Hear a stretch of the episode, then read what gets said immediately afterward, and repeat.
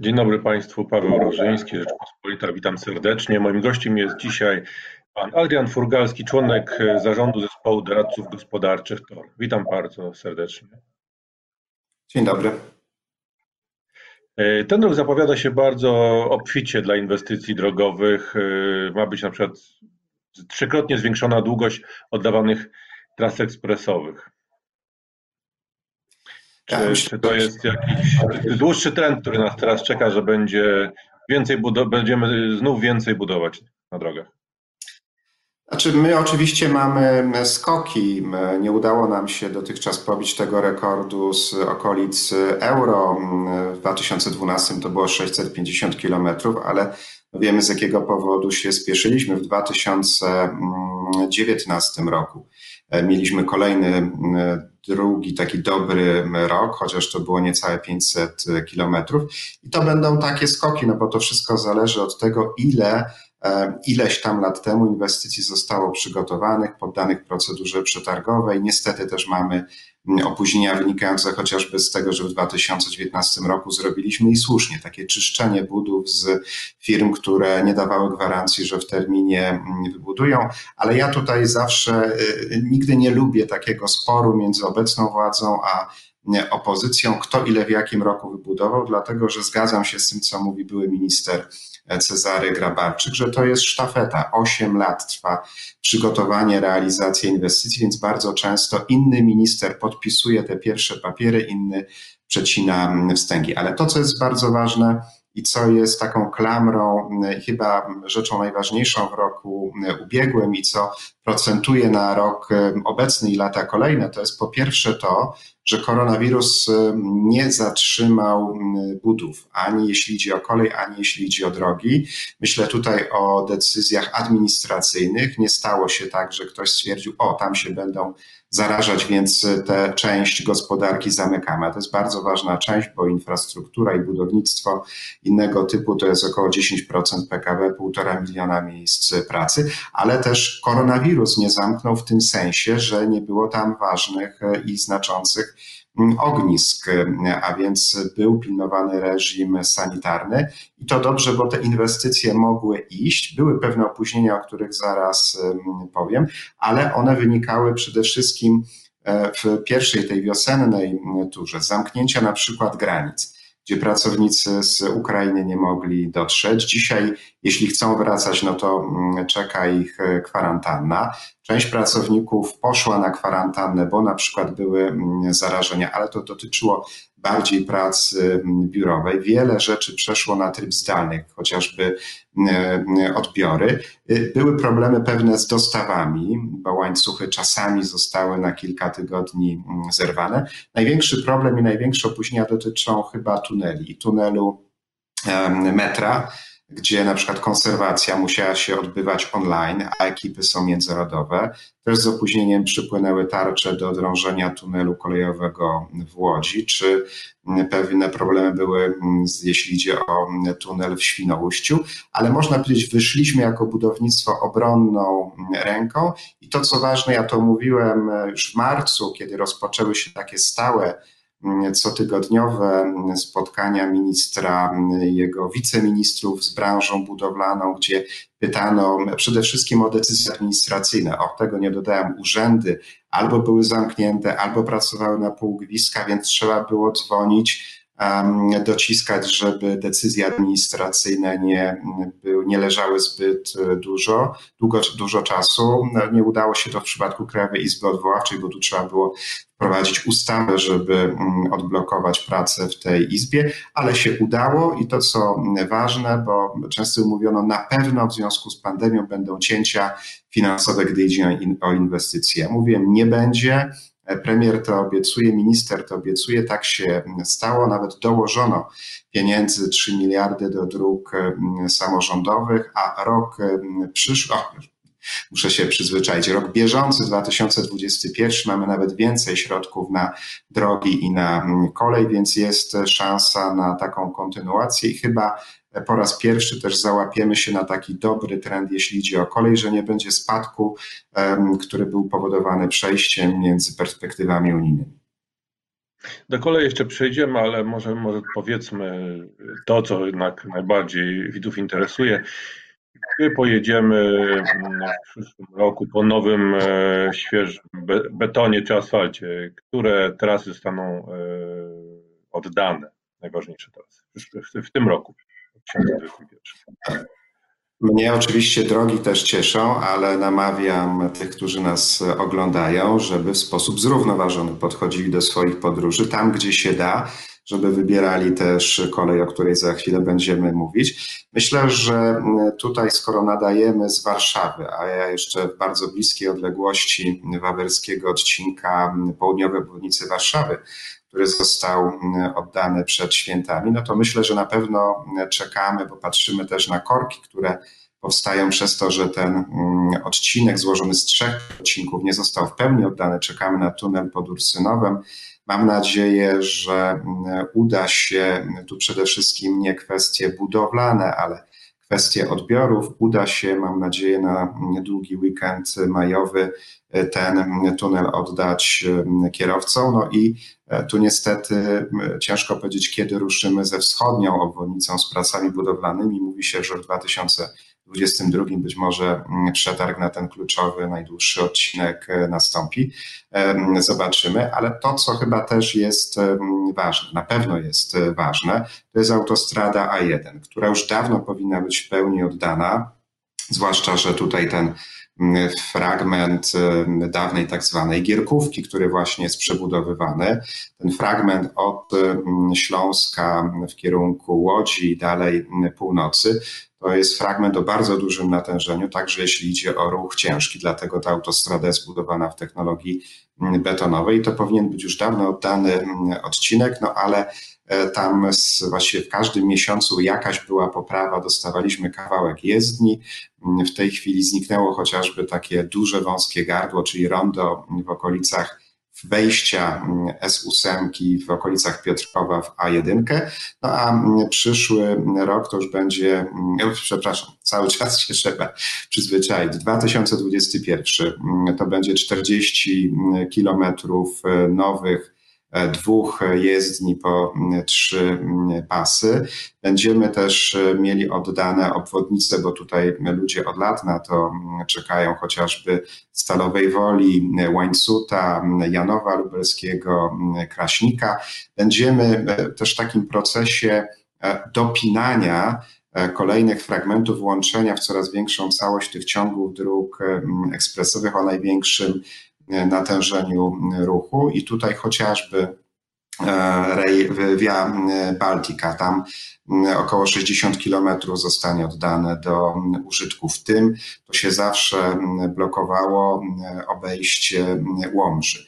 Także S7 tutaj też w okolicach 60 kilometrów zostanie oddane. Ostatnie fragmenty takie środkowe, bo przy granicy z Czechami Wciąż będą trwały mm, prace S3, S19 w województwie mm, podkarpackim i oczywiście e, z jednej strony to będzie mm, te 385 kilometrów. Mam nadzieję, że to się uda, które są planowane do oddania roku bieżącym, ale też cały czas mamy procedury.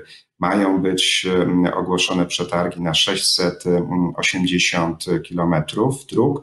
I tutaj zarówno są mniej więcej tak po połowie e, odcinki nowe, i odcinki na obecnej sieci dróg krajowych, które będą przebudowywane. Tam e, bardzo dużo pieniędzy. Wiem, że to jest taki konik obecnej władzy, obecnego ministra.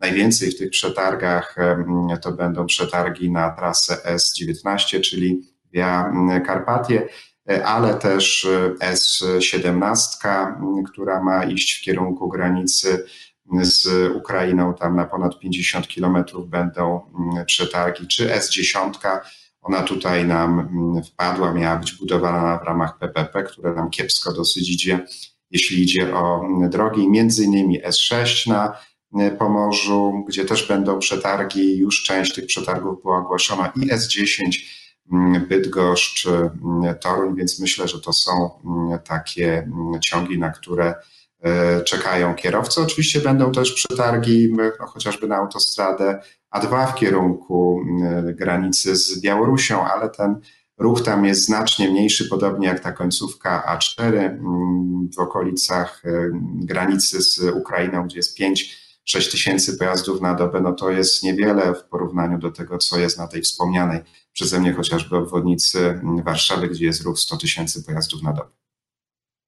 A czy możemy postawić tezę, że, że, że mm, jakby rzeczywiście y, obecny rząd przywiązuje y, dużo większą wagę do tej do ściany wschodniej tak, kraju, bo mamy i tą trasę na Litwę, i S-19 wzdłuż wschodniej granicy, prawda, teraz y, A2 w kierunku granicy wschodniej.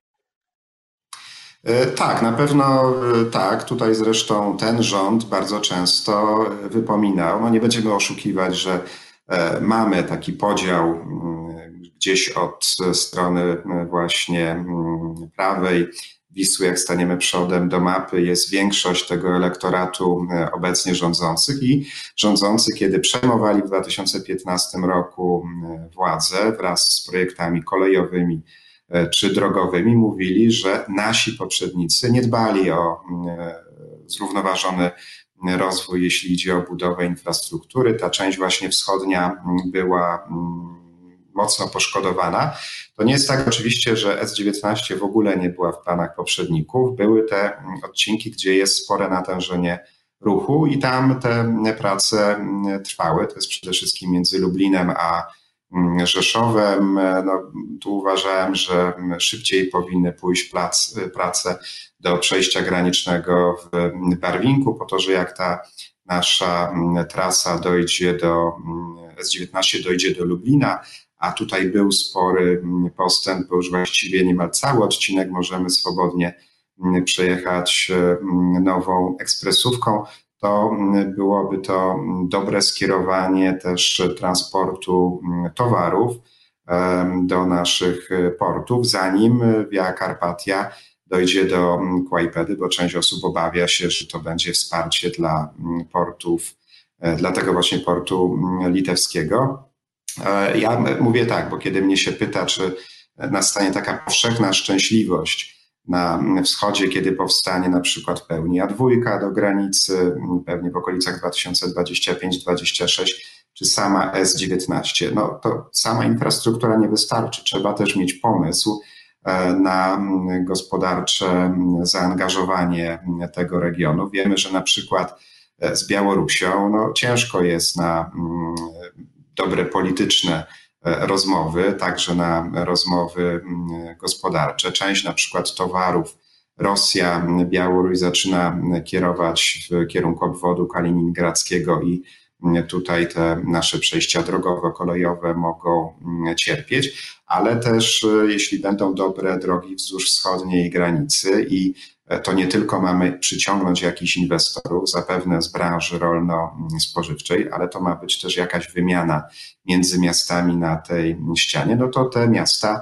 muszą mieć na to pomysł. Tak, sama infrastruktura, macie drogi i e, proszę bardzo, róbcie co chcecie, nie wystarczy. To jest mniej więcej e, od początku chyba rozwoju infrastruktury i kiedy bada się jej wpływ na gospodarkę, taki mm, niewyjaśniony spór. Mniej więcej połowa mówi, wystarczy wbudować infrastrukturę i już będzie dobrze w tych terenach e, trudniejszych, a część e, mówi nie, najpierw budujmy infrastrukturę tam, gdzie jest rzeczywiście ruch, gdzie jest większy wzrost PKB, po to, żeby potem pójść do tych terenów mniej mm, rozwiniętych. No, tutaj rząd przyjmuje bardziej taki zrównoważony rozwój, jeśli idzie o infrastrukturę. Mam nadzieję, bo póki co Via Carpatia jest głównie ze środków krajowych budowana, zwłaszcza na tych odcinkach od Lublina w kierunku Białegostoku, gdzie ruch jest niewielki,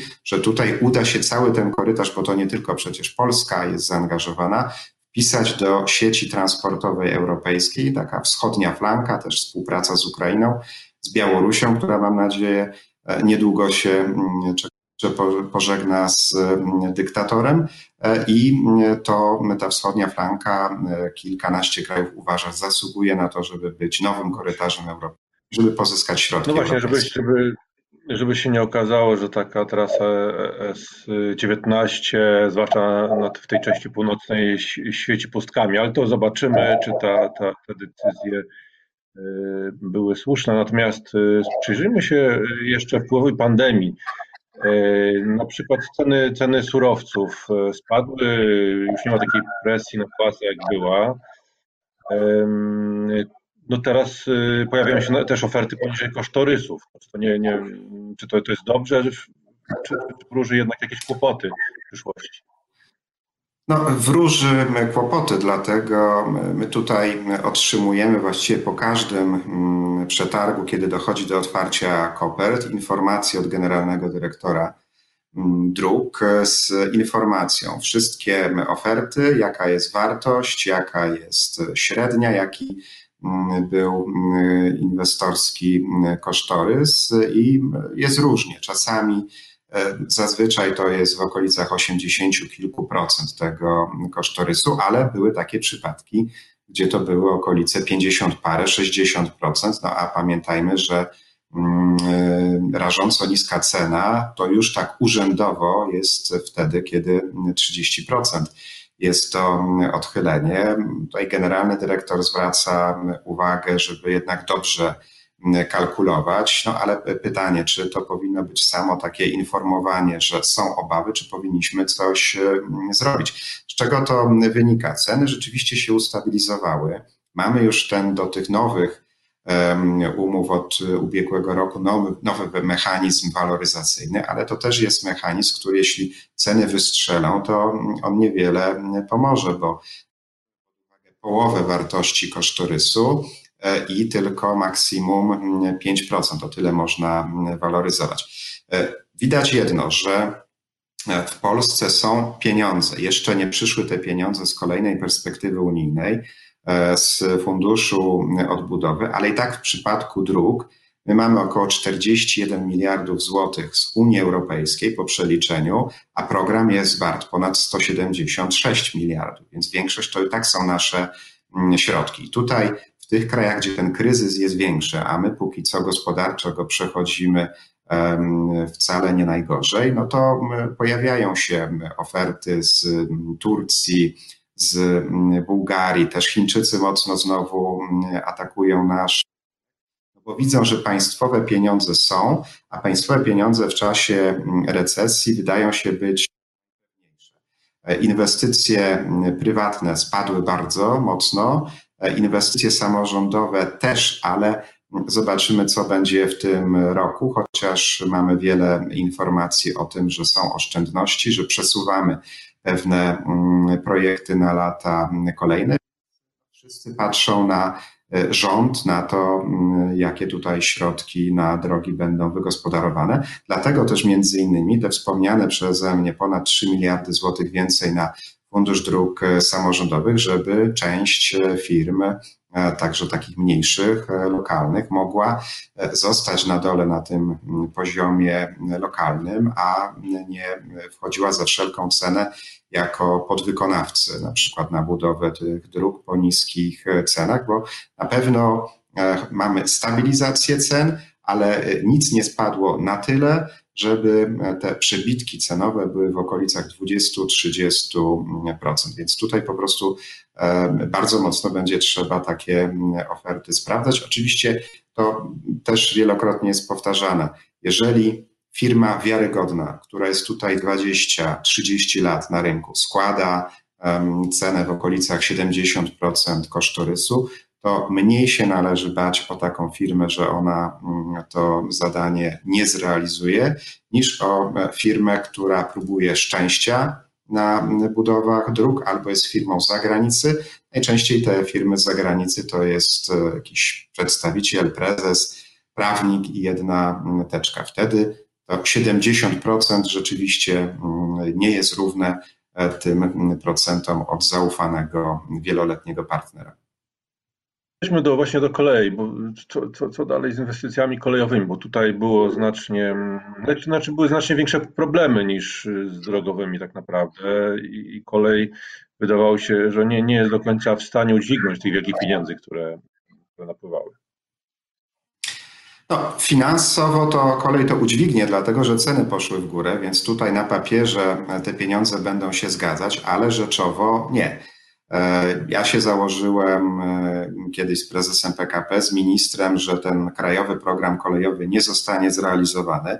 Nie sprecyzowaliśmy, o jakie wskaźniki nam chodzi. No mnie na pewno nie chodziło o pieniądze, bo ważniejsze są efekty niż wydanie tych pieniędzy, a wiemy, że część inwestycji przechodzi na lata kolejne. Myślę tutaj chociażby o tym, co miało być realizowane jeszcze w starej perspektywie, więc linia średnicowa w Warszawie, a mamy dopiero zaczęte prace i one potrwają do końca tej perspektywy na dworcu Warszawa Zachodnia.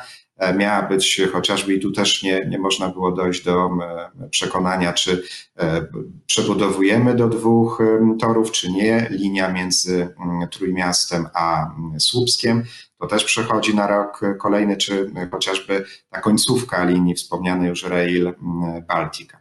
Więc część inwestycji znowu przesuwamy. To, co wydaje się ja to wspomniałem na początku, jest takim pozytywnym wyróżnikiem. My tą perspektywę powoli się kończącą zaczęliśmy gdzieś z dwuletnim poślizgiem, dlatego że ogłoszono przetargi. E, jeśli dobrze pamiętam, to się nazywało Wielka Ofensywa Inwestycyjna, tylko okazało się, że szuflady są puste, nie ma projektów, nie ma dokumentacji, dopiero trzeba było to robić. I tu było takie od kilku lat w formie przestrogi apelowanie do rządu, do polskich linii kolejowych, żeby znów między przejściem między jedną perspektywą a drugą nie było takiego dołka inwestycyjnego, bo wtedy się wszyscy będą zabijali o te resztki przetargów, które są, ceny będą szły w dół, potem one znowu odbiją w górę, będzie problem. Wydaje się, że ten problem e, mamy mm, po raz pierwszy załatwiony, dlatego że e, za pieniądze unijne, też pieniądze własne PKP Polskie Linie Kolejowe przygotowały dokumentację dla projektów o wartości 50 miliardów złotych.